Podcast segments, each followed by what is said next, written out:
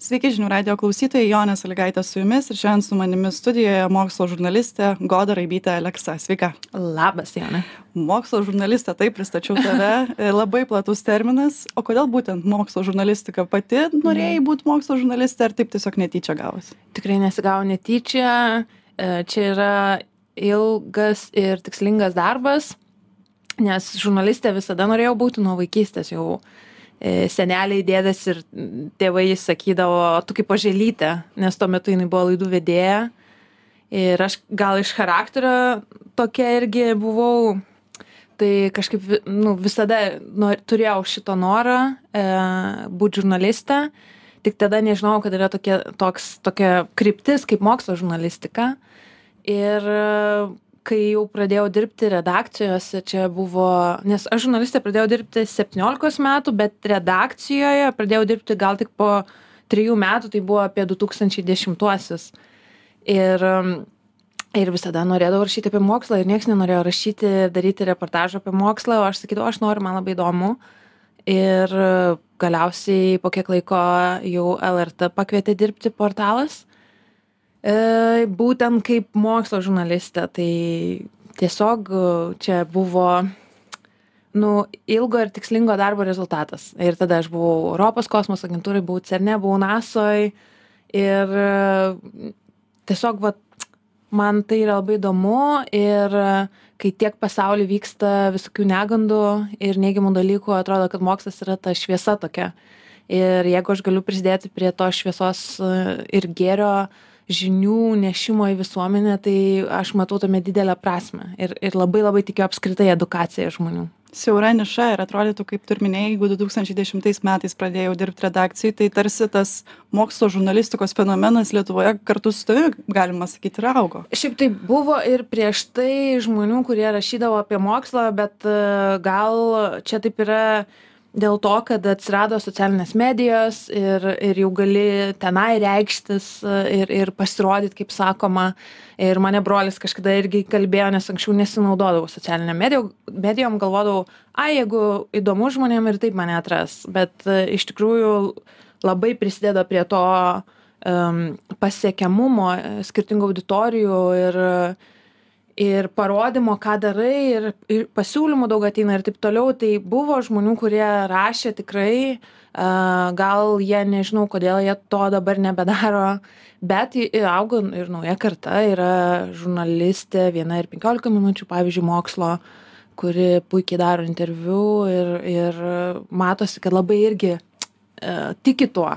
Tai tai yra labai labai svarbu nes niša yra siaura bet kartu ir labai plati nes mokslas tai yra pažinimo procesas tai yra viskas.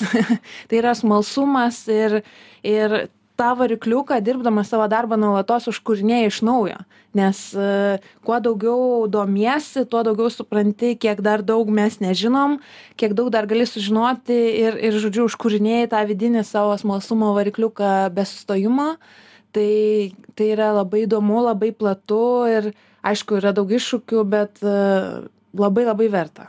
Pati esu susidūrus su problema kadangi dirbu labiau su aktualijom mhm. bet kartais išsprogsta kažkokia tema kur reikia mokslininką pakviest pa pasikalbint. Labai daug mokslininkų arba bijo kalbėt arba bijo likti nesuprasti nes mhm. galbūt kalbės per kažkokiais akademiniais terminais kurių nesupras klausytojas ar tas pats skaitytojas. Kaip tu prisikalbini mokslininkus nes tu savo kaip čia dabar pasakyt intervuojamųjų mokslininkų tarpe turi ypatingų garsenybių. Ir aš nekalbu vien apie lietuvos mokslininkus bet ir apie pasaulio mokslininkus. Tai kaip tau pavyksta įkalbinti kalbėti mokslininkus čia visų pirma yra du dalykai. Mokslininkai bijo kalbėti nes jie niekur nėra mokomi to daryti. Mes tik visai neseniai su lietuvos žurnalistikos centru pradėjome daryti tokius išplėstus mokslo komunikacijos mokymus ir kursus mokslininkam iš skirtingų universitetų ir mokslo centrų nes komunikacija vis dėlto yra įgūdis arba įgūdžių rinkinys kurių reikia mokytis. Ir jūs įsivaizduokit visą dieną žmogus dirba savo laboratorijoj ir tai daro dešim dvidešim metų arba prie prie kompiuterio ir analizuoja duomenis ar ar ar žodžiu prie teleskopo nesvarbu kur yra mokslininko darbo vieta. Ir tada pastato jį prieš auditoriją ir sako tu dabar paaiškink mum per taip kad mes suprastumėm per per tris minutes ką tu čia veiki. Tai aišku kad žmogus pasimeta plius yra tas mokslinis kuklumas kad mokslininkai dažnai galvoja kad ai kam čia įdomu ką aš veikiu čia gi labai siaura sritis yra ir ir kartu bijo ir prieš savo kolegas pasirodyti kažkaip ne taip per daug primityviai galbūt papasakoti o kai kurie žmonės na mokslininkai vis tiek yra žmonės tai e, sakykim labai kritikuoja tada savo kolegas jeigu jie ten truputį kažkaip per laisvai pakalba. Tai tai čia yra vienas dalykas. O kaip aš prikalbinu nežinau aš tiesiog nueinu ir pasakau man įdomu ką jūs darot aš noriu suprasti tai ir e, po truputį po truputį pasidarau kartu ir namų darbus e, ir e, ne visi sutinka ne visi iš karto sutinka bet visaip būna. O jeigu jau pasaulinio lygio mokslininkai sakykim tai jie jau turi tuos įgūdžius bendrauti ir komunikuoti ir jie labai labai nori dalintis tuo ką jie daro nes jie daro nerealius dalykus tai ko nesidalinti. Ir kiekvienas mokslininkas iš tikrųjų eina ten kur dar nieks nėra buvę. Jie iš tikrųjų kuria tikrąją pridėtinę vertę nes jie didina mūsų žmonijos žinių bagažą per per per tą pažinimo procesą per mokslinį metodą. Ir ir bando suprasti kaip viskas veikia be primetimų kad e, bando leisti gamtai atsiskleisti tokiai kokia jinai yra.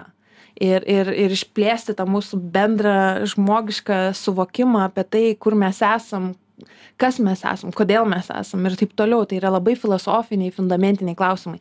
Ir mokslas ir mokslininkai būtent tai ir daro. Po truputį po mažą žingsniuką vis plečia tą mūsų žinių e, kiekį.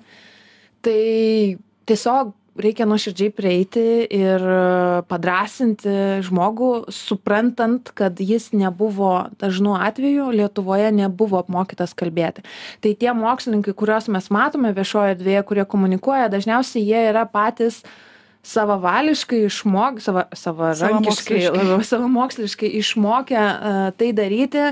Ir E, man yra keista iš tikrųjų kad e, universitetai ir mokslo centrai nori kad jų mokslininkai komunikuotų ir būtų matomi viešojoj erdvėje bet netgi kai jau mes darėme tarptautinį kursą su mokslo komunikacijos žvaigždėm iš australijos iš ženevos iš švedijos ir, ir taip toliau e, vienintelis mokslo centras prisidėjo prie tų kursų. Nors mokslininkų jau kai jau mes suformavom tą kursą dalyvaujančių buvo iš visų universitetų ir beveik visų fakultetų.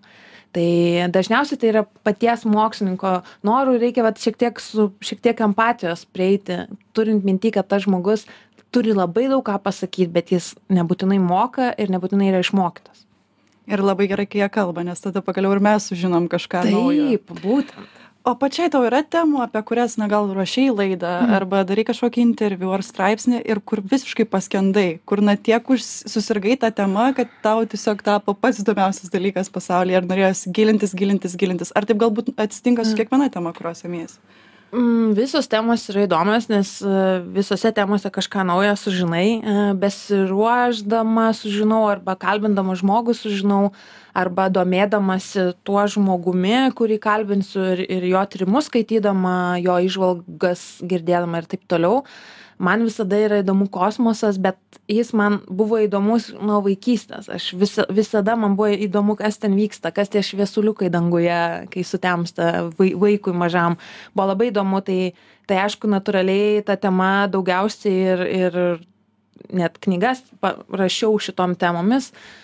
Bet e, šiaip po laidų tai labai įdomi pasidarė miego mokslo tema, e, nes yra puikiai lietuvė mokslininkė Laura Bajarskaitė, jinai yra neuromokslininkė ir e, dirba ir tyrimus atlieka Oslo universitete ir jinai būtent tyrinėja, kas vyksta mūsų smegenyse miego metu. Ir miego mokslas yra labai labai įdomi sritis ir mums visiems reikia miegoti, tai žinant, kiek dar daug dalykų yra neištyrinėta ir kiek daug klausimų neatsakyta, labai įdomu. Aišku, ilgamšiškumo mokslas yra labai įdomu, ką padaryti, kas nuo mūsų priklauso, kad, kad būtume kuo sveikesni ir ar senatvėje būtume kuo sveikesni, kad mūsų smegenys geriau veiktų, kūnas geriau funkcionuotų ir taip toliau. Dirbtinis intelektas, aišku, ir, ir visos aktualijos susijusios su dirbtiniu intelektu. Ir, nežinau, įvairiausių temų būna net apie kvantinius kompiuterius. Kas nors įdomiai papasakoja mokslininkas ir man, o, aš jau turiu viską sužinoti, kas čia vyksta pasaulyje. Tai trumpą pertrauką padarom tuoj pratęsim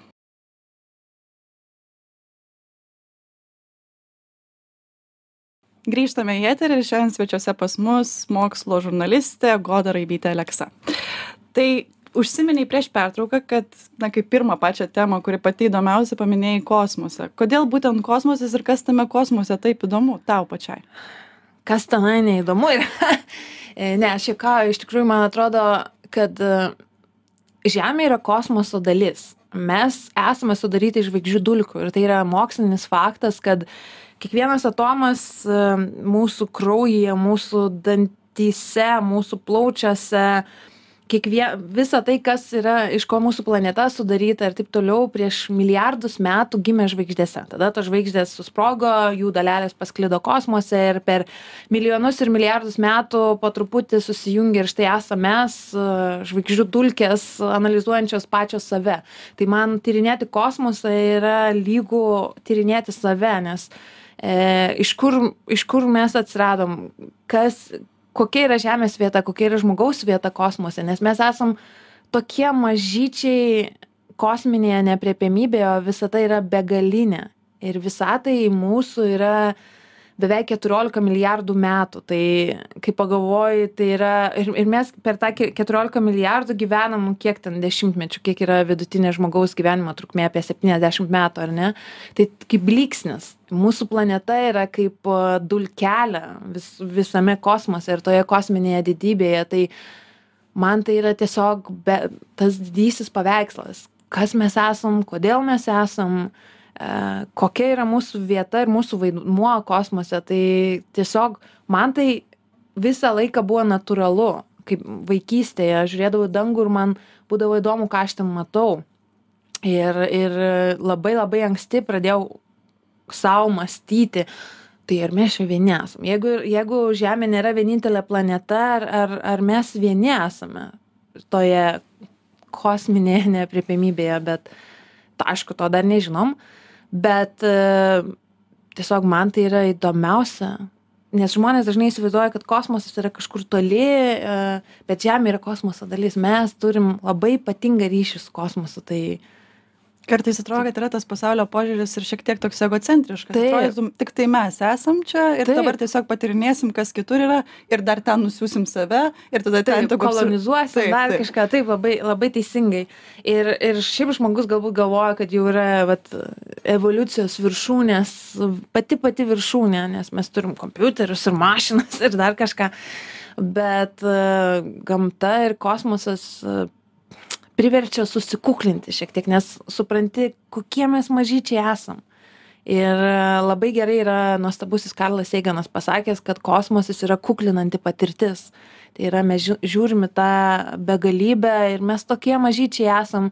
Tai šiek tiek tą mūsų ego sumažina man atrodo tu užsiminei apie tai kad e, tau kilo klausimas mhm. vaikystėje ar mes tikrai esame čia vieni ar esame ne vieni sakoma kad čia yra du pagrindiniai žmogaus klausimai mhm. kas bus po mirties ir ar mes esam čia vieni e, įdomus tas momentas kad e, šitas klausimas dabar labai sparčiai sulaukia populiarumo vis daugiau apie jį kalbama bent jau už atlanto yra daug skambančių diskusijų kongrese šiuo metu taip pat aidi ir klau klausimai dėl nso kuriuose liudija ir buvęs žvalgybos pareigūnas taip pat keli pilotai kuriais jau atrodytų labiau pasitiki visuomenė jau kažkoks atsiranda didesnis susidomėjimas nebegali pasakyti kaip seniau turbūt prieš penkiasdešim metų kad štai kažkokie pamišėliai arba žmonės čia prisisapnavo ir dabar pasakoja apie tai kad kažką neatpažinto skraidančio į objektus panašius matė. Kaip tu pati reaguoji į tuos klausimus kurie dabar skamba? Tau tai suteikia kažkokį suvokimą kad o gal tikrai kažkokį didesnį supratimą kad gal tikrai mes daug daugelį metų žinojome tai bent jau tos didžiosios valstybės gal slėpė kažką ar panašiai. Kaip tu vertini? Ai čia tiek daug yra e, tiek daug dedamųjų dalių. Tai visų pirma aš tai esu skeptikė labai didelė. Ir ir manęs visų pirma šita tema jinai visada buvo e, įdomi tik ėjo tokiais ciklais. Kurį laiką yra primirštama tada vėl įdomi. Ir tikrai ne visada būdavo keistuoliai kažkokie kurie pasakodavo apie apie nežemišką gyvybę. Pavyzdžiui yra viena istorija iš amerikos. Berods e, šeštasis ar septintasis dešimtmetis e, didžiulė istorija nuėjusi per visas žiniasklaidos priemones tuometines kad žodžiu pareigūnai du patruliuodami pamatė neatpažintą skraidantį objektą ir su diš dispečerine bendraudami sakė o mes matom tą objektą mes jį vejamės mes žodžiu tas objektas juda aukštyn žemyn į šonus visaip vejamės ir niekaip negalim pasivyti. Ir jie visą kitą dieną po po to įvykio visiem žurnalistam tai komentavo kaip jie čia matė nso kaip vijosi kaip jiem nepavyko žodžiu ir kas čia yra dabar mus ateiviai lanko ir ir žmonės galvoja pareigūnai tai yra tai nėra kažkokie keistuoliai ar ne? Ir jie tikrai kažką matė ir dispečeriniai viską tuo metu iš karto reportavo, bet vieno dalyko, ko jie nežinojo, kad tuo metu Venera buvo labai arti Žemės ir, ir jie tiesiog važiavo tokiu keliuku, kuris buvo vingiuotas ir kalnuotas ir jiem atrodė, kad ta Venera juda į šonus, nors jie iš tikrųjų vingiuotų keliuku važiavo. Tai tokių istorijų yra daugybė. Bet vėlgi mano minėtas Karlas Eiganas, kaip pasakė, kad e, labai tvirti teiginiai, reika, tokie stiprus teiginiai reikalauja stiprių įrodymų liudijimas nėra stiprus įrodymas. Ir kaip čia yra, kad, e, kad dažniausiai tie liudijimai yra prie karinių bazių. Tai negi ateiviams, kurie, sakykime, jau yra milijonus metų labiau pažengę technologiškai negu mes ir jie lanko Žemę, nes tu turi būti pažengęs daug, daug labiau, kad galėtum keliauti tokius milžiniškus atstumus kosmose ir turėtum tam reikalingas technologijas. Ir jie kažkodėl prie mūsų karinių bazių. Ir mes taip, ir jie lanko mus jau dešimtmečių dešimtmečiais, bet įrodymai kas yra įrodymai yra arba liudijimas žmonių arba kažkokie labai prastos kokybės vaizdo siužetai. Kai tuo tarpu mes siunčiame teleskopus į kosmosą kurie turi itin galingas kameras ir mato milijardus metų gilyn į kosmosą ir jie kažkaip neužfiksuoja to. Bet žemės kameros užfiksuoja. Tai aš esu labai skeptiška ir be to matau kaip reaguoja mokslininkai kurie iš tikrųjų visą karjerą yra pašventę nežemiškos gyvybės paieškoms. Ir jie ne ne tik dabar kur vat reikia kažką paliudyti ir skambių antraščių turėti žiniasklaidai ar kažkokiems tink tink tinklalaidėms kokioms nors ir taip toliau jie labai yra skeptiški ir jie sako mūsų šitie prastos kokybės vaizdo įrašai ar liudijimai be jokių įrodymų neįtikins nes vėlgi tokiems teiginiams reikia kur kas stipresnių įrodymų ir jie yra tam visą savo gyvenimą pašventę kad jie surastų tą atsakymą ar mes esame vieni. Ir aišku suprantama yra žmonės dažnai nesupranta ką mato. Pavyzdžiui kai buvo testuojami starlink palydovai kur žodžiu danguje žmonės tuo metu matė tokius vienoje eilutėje skrendančius šviesuliukus man tikrai parašė koks dvidešim žmonių goda aš nenoriu čia pasirodyt keistai bet man atrodo aš mačiau nso jie tiesiog nežinojo ką mato. Ir nso yra neatpažintas skraidantis objektas. Kol mes jo neatpažinom mes nežinom kas tai yra. Bet nei vieno iš tų įvykių mokslininkai neanalizuoja kaip potencialiai nežemiško. Tai turėtų labai daug ką pasakyti ir klausytojams. Ir šiaip aš klausiausi tų vat kongreso e, klausimų. klausimų taip ir to konkrečiai žvalgybos pareigūno, jisai teigia, kad Pentagonas slepia jau ir kūnus ateivių, bet neturi jokių įrodymų tam. Tai kaip čia yra vat kad visi tie žmonės jie pasakoja tokias vaizdingas istorijas bet jiems niekaip nepavyko nei kažkokios nuotraukytės padaryti geresnės kokybės taigi visi mes savo telefonus su labai gerom kamerom turi. Jeigu kažką slepia pamatai greitai išsitrauki nufotkini nufilmuoji kažką paimi kažkokį daiktą nežemišką. Tiek užtenka mažai bet nieks to nepadarė. Tai kaip čia taip yra o pavyzdžiui tie tie vaizdo įrašai apie kuriuos užsiminei o kaip tu vertini čia gali būt tiesiog žvalgybos balionai apie ką labai dažnai yra kalbama kad kažkuri tai šalis rusija arba kinija pavyzdžiui yra labai gerai ištobulinus kažkokį žvalgybos aparatą kurio nefiksuoja radarai bet štai galima užfiksuot vaizdo balioną.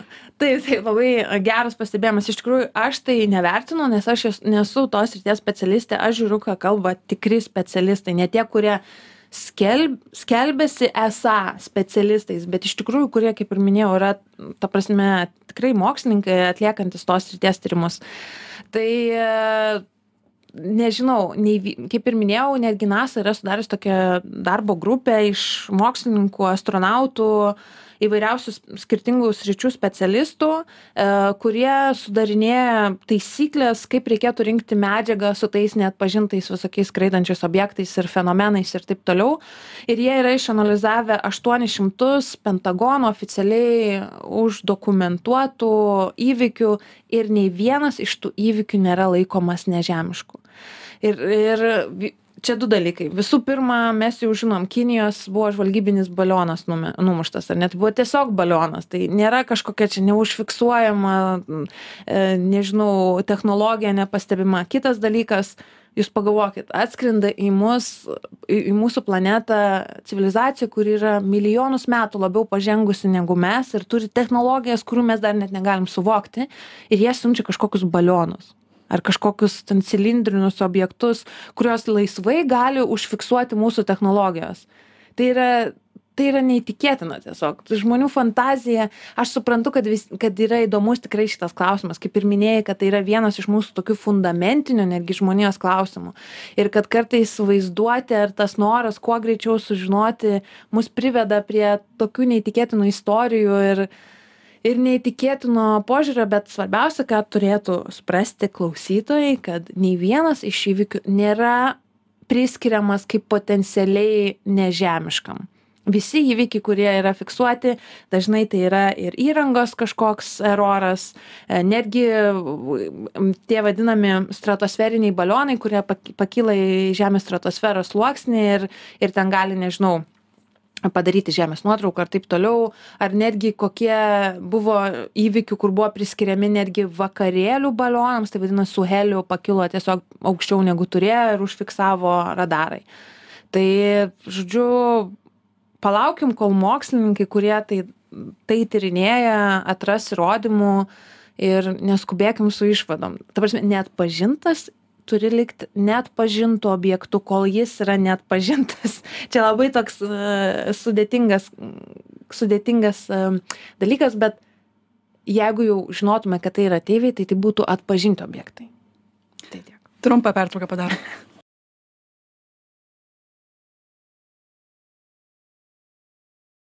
tęsiam laidą šiandieną su mokslo žurnaliste goda raibyte aleksa. Prieš pertrauką pradėjom jau kalbėt apie neatpažintus skraidančius objektus. Išduosiu klausytojams kad čia buvo tas fokusas dėl kurio tave kviečiau irgi į laidą šiandieną.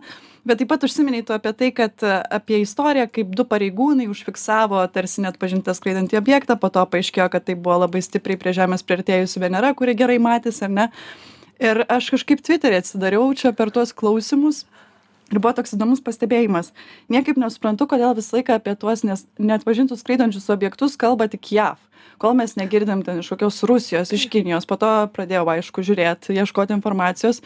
Ir buvo įdomu apie lietuvą pasižiūrėt kas yra lietuvoje buvę. Tai labai panaši istorija. Tūkstantis devyni šimtai devyniasdešim šeštais metais link medininkų važiuojant du pareigūnai irgi policijos pareigūnai abu jauni vyrai jie pamato e, neatpažintą skraidantį objektą kurį įvardija kaip lėkštę kuris nusileidžia ant žolės jie bando ten priartėt prie jo irgi su dispečere kalbasi čia sako mes matom čia tą ir tą susikviečia pastiprinimą atvažiuoja policijos pareigūnai aras su šunim.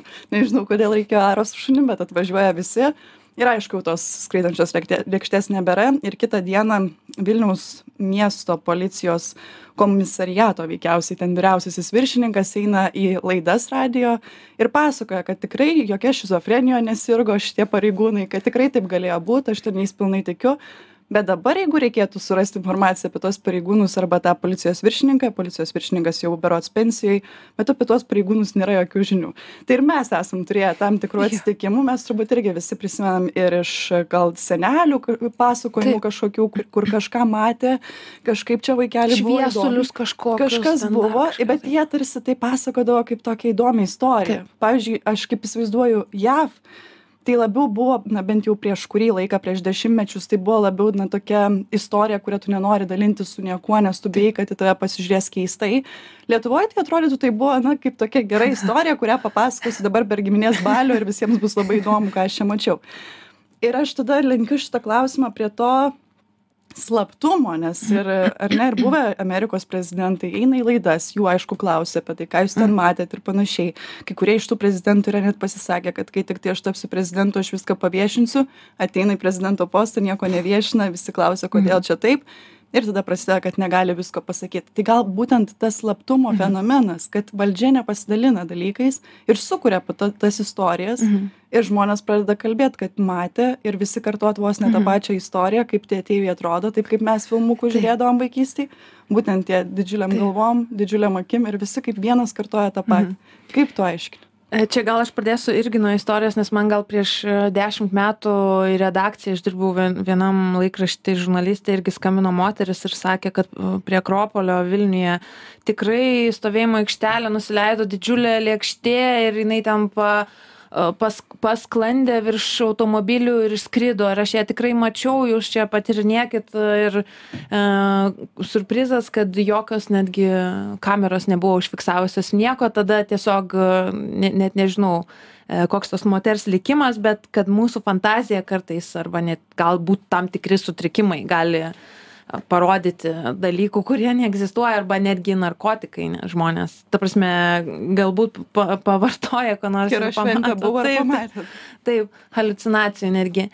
O dėl slaptumo aš visiškai suprantu, kad žmonės galvoja, kad jeigu slepia, kad slepia jau kažką labai labai rimto, bet yra toks dalykas, kad e, vis dėlto dauguma tų e, neatpažintų kažkokių skraidančių objektų ar anomalijų, kad reikia pirmai išsiaiškinti, ar tai nėra nacionalinio saugumo klausimas, nes yra, ateiviai yra viena, bet nedraugiškos valstybės kaip Kinija, Rusija, kurios galbūt e, ne, nori pašniukštinėti, kas vyksta Amerikos karinėse bazėse, yra kur kas opesnė problema ir į ją kur kas yra kreipiama daugiau dėmesio.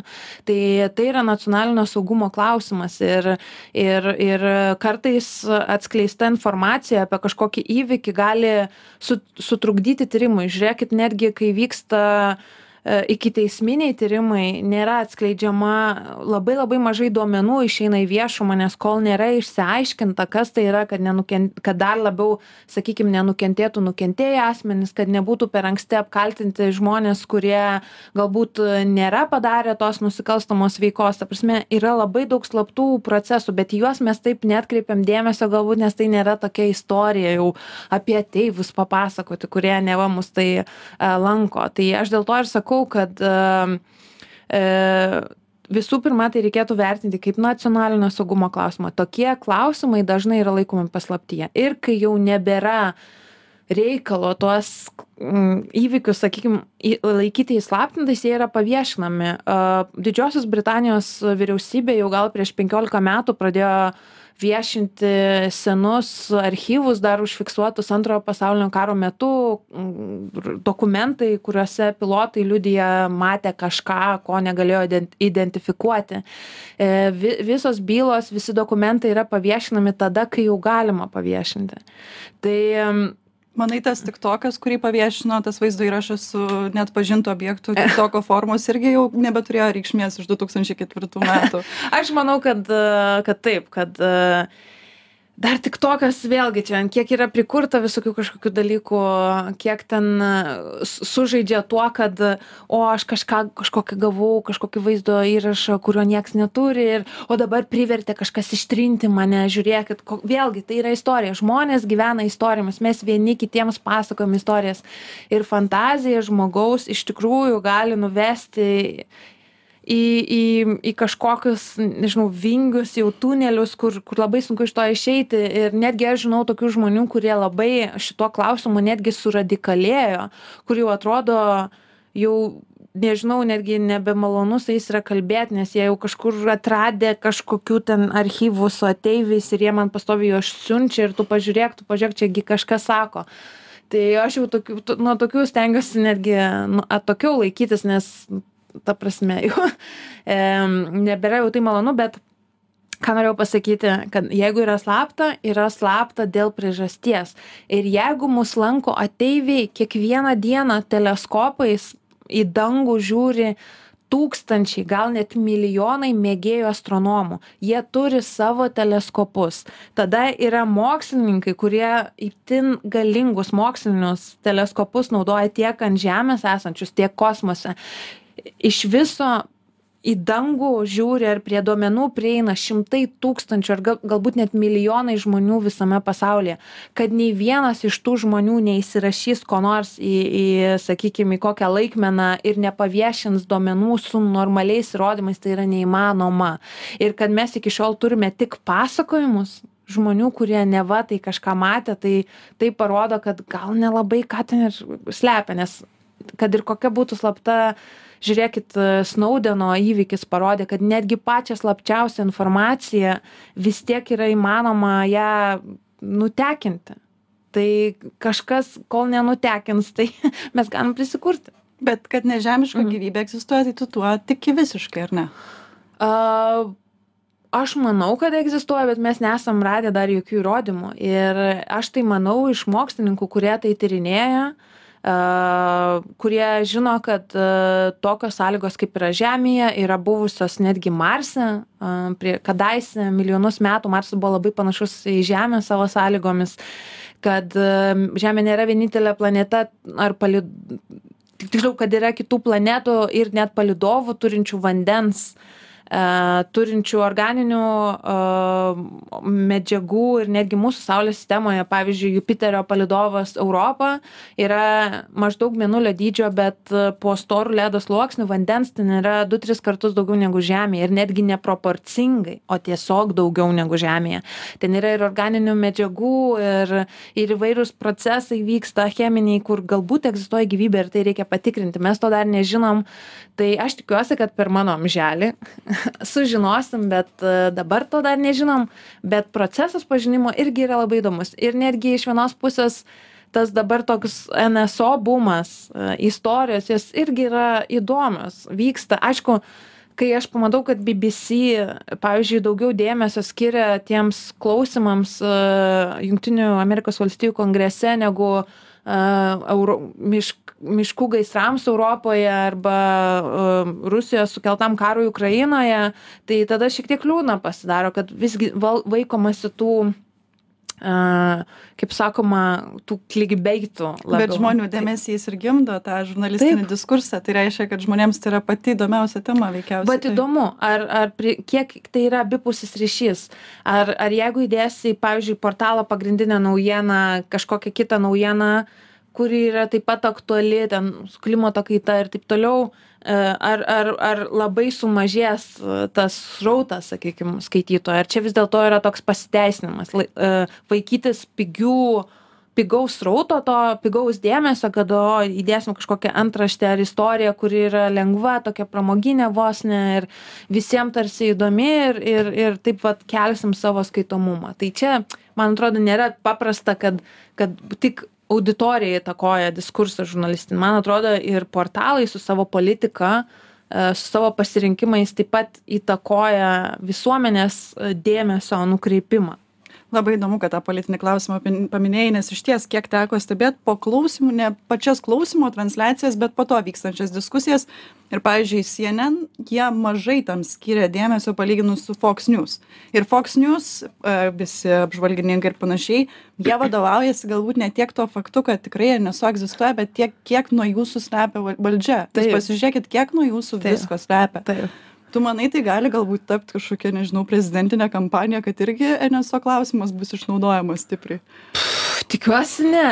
Tikiuosi ne bet visaip e, žinant kad e, trampas bus vienas iš fox favoritų e, kaip sakoma bandys taip pat siekti jungtinių valstijų amerikos jungtinių valstijų atsiprašau prezidento posto nežinia kuriuos klausimus jis gali išnaudot jeigu matys kad jie yra aktualūs ir ir patraukiantys dėmesį tai gal ir ant tų sakys o vėlgi aš viską čia paviešinsiu ir ir pamatysit E, Bet, nu, kuo, bet kuo daugiau kalbama, tuo mažiau skeptikų, kuo mažiau skeptikų, tuo Taip. daugiau žmonės žiūri į dangų, kuo daugiau žiūri į dangų, tuo labiau pastebi kažkokius net Taip. pažintus skraidančius objektus. ir netgi ne tik tai uh, tada, kai uh, virš Junktinių Amerikos valstybių buvo nušautas uh, Kinijos žvalgybinis balionas, buvo reka, rekalibruoti tam tikri žvalgybiniai radarai ir, ir kita technika tam naudojama.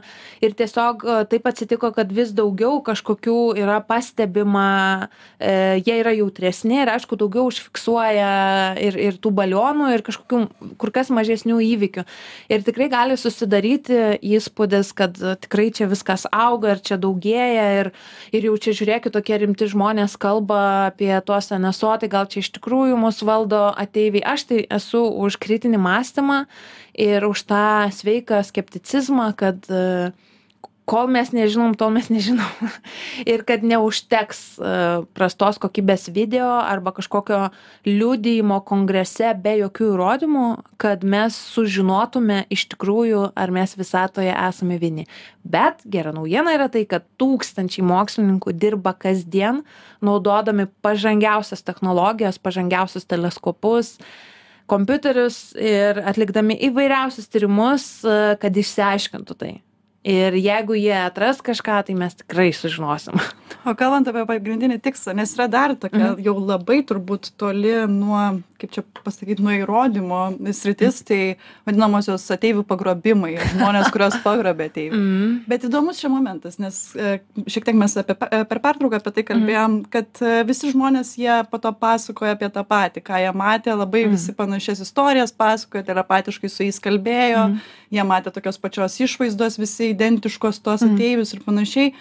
Ir tada kyla klausimas, koks tikslas. Jeigu, pavyzdžiui, žmogus iš Mhm. tiesų nematė, koks gali būti tikslas, dėl ko, na, tu norėtum papasakoti istoriją, kad, tave gal pagrobė tėvė, arba tu užmesgi ryšį, arba tu ten bendravai ir panašiai. Kaip tu manai? Žinok, aš dažnai galvoju, kai žmonės viešai kalba ir ypatingai jeigu kalba nesąmonės, koks to žmogaus tikslas, kodėl jis tai daro. E, Čia kalbant apie visus tuos e, judėjimus Lietuvoje, kurie kaip, kaip taisyklė dažnai yra ir už prieš skiepus pasisakantis ir taip toliau, tai aš irgi galvoju, kodėl jūs tai darot, negi jūs tikrai to tikit, e, ką jūs kalbat. Gal dėl seno gero dėmesio žmonės tiesiog gyvena savo gyvenimus, galbūt nėra labai patenkinti jais ir tada vat, yra dėmesio centre, gauna iš visų dėmesio, jaučiasi svarbus, jaučiasi įdomus ir žmogiškas tas tiesiog norėjimas pritapti. Ir e, Neil deGrasse Tysonas yra labai gerą mintį taip pat apie tai pasakęs. E, Neil deGrasse Tysonas yra labai garsus astrofizikas ir mokslo komunikatorius, daugybę apdovanojimų laimėjęs, daugybę tyrimų atlikęs, labai labai garsus žmogus žodžiu. Ir, ir jo klausosi milijonai žmonių ir jo tos kritinės minties ekspertinių išvalgų klausosi milijonai žmonių visame pasaulyje. Ir jis yra pasakęs, tiek yra buvę pagrobimų, bet kaip čia atsitiko, kad, kad nieks vat nepaima kokio nors laidelio, kokio nors daiktelio, ten greitai įsideda į kišenę, taigi jeigu ten žmonės jau pagro, pagrobę ir kankina, taigi ką nors netgi, nežinau, panagėsa gali ar ne kažkokią nežemišką medžiagą ir nunešti į laboratoriją ir laboratorija ištiria, jau čia tikrai yra nežemiškoji medžiaga kažkokia, kokios mes žemėje neturime ir, sakykime, yra neįmanoma pagabi, pagaminti ir tada nuo to viskas pradeda rutuliotis, bet to nėra. Yra buvę tiek pagrobtų, bet jie vėlgi turi tik istorijas.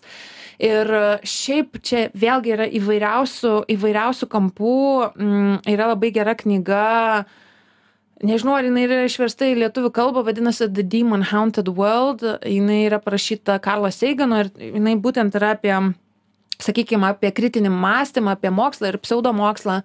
Ir Karlas Seiganas, nekartą mano minėtas, tai jau klausytojai tikrai supras, kad labai mano mėgstamas mokslininkas buvo, mirė jisai prieš visai jau senokai.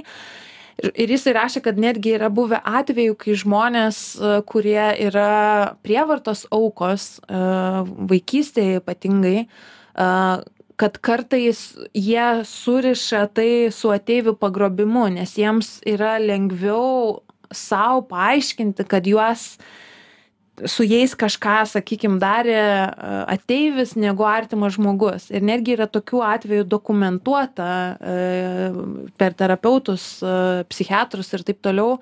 Tai įvairiausių motyvacijų gali būt čia kiek kiekvieno kiekvieno žmogaus kuris tai pasakoja reikėtų klausti atskirai arba analizuoti kiekvieną atvejį atskirai. Ir jeigu tai yra seno gero dėmesio prašymas tai nežinau tegu pasakoja tas savo istorijas pasijaučia svarbūs tą penkiolika minučių gauna žiniasklaidos dėmesio. Mm, tik tiek norėčiau užbaigt šitą pokalbį su tokiu pastebėjimu ką sakei pati kad tikiesi kad per tavo gyvenimo laikotarpį kažkas bus išsiaiškinta. Kaip manai per tą mūsų gyvenimo laikotarpį dar įmanoma užmegzt ryšius su ateiviais būtent žmonėms? Trumpas atsakymas Manau, kad taip. Aš, aš tuo, to, to labai norėčiau, nes jūs pagalvokit, kaip tai pakeistų mūsų apskritai suvokimą, kas yra žmogus ir kokia yra mūsų vieta kosmose, kad mes nesam vieninteliai ypatingai apdovanota šita dovana, gyvybės dovana. Šalių santykius, kad taip, kaip viską, kaip mūsų suvokimą apskritai požiūriais vieni į kitus, tai pakeistų, tai būtų absoliučiai fundamentinis atradimas mums ir aš taip to norėčiau, taip būtų įdomu, kokia tai yra gyvybės forma. Ir yra viena labai labai trumpa istorija. Yra toks vadinamasis wow signalas, tai 1900 77 metais, man atrodo, e, vienu radio teleskopu, kuris, vadina, kuris buvo pavadintas Big Ear, tai čia angliškai didžioji ausis, e, verstus į lietuvių kalbą, ir buvo užfiksuotas signalas, e, kurį astronomas, kuris tuo metu analizavo duomenis iš to radio teleskopo, e, pamatęs simbolius to signalo šalia parašė wow, nes jam tai buvo absoliučiai wow, nesuprantama, nes tokį signalą būtent tuo dažniu gali išsiųsti, manoma, tik iš dirbtinio šaltinio. Ir uh, ilgą laiką buvo bandyta paaiškinti, kas, kas, iš kur tas signalas pagautas nes jis buvo labai stiprus truko ilgą laiką buvo gerai užfiksuotas yra puikiai uždokumentuotas gali klausytojai apie tai paskaityti. Ir iki šiol yra neaišku kas jį atsiuntė. E, aišku kol neaišku mes nežinom kas jį atsiuntė bet tai yra tikrai labai įdomus signalas kurį mokslininkai analizuoja nes tai gali būti taip vadinamasis technologinis žymuo. Technologiniai žymenys yra realiai radijo signalai sklindantys iš giliojo kosmoso kuriuos kaip mes manome dabar dabar gali siųsti tik dirbtiniai šaltiniai. Tai yra kažkokia technologija pavyzdžiui sukurta kitoj civilizacijoj ir taip toliau.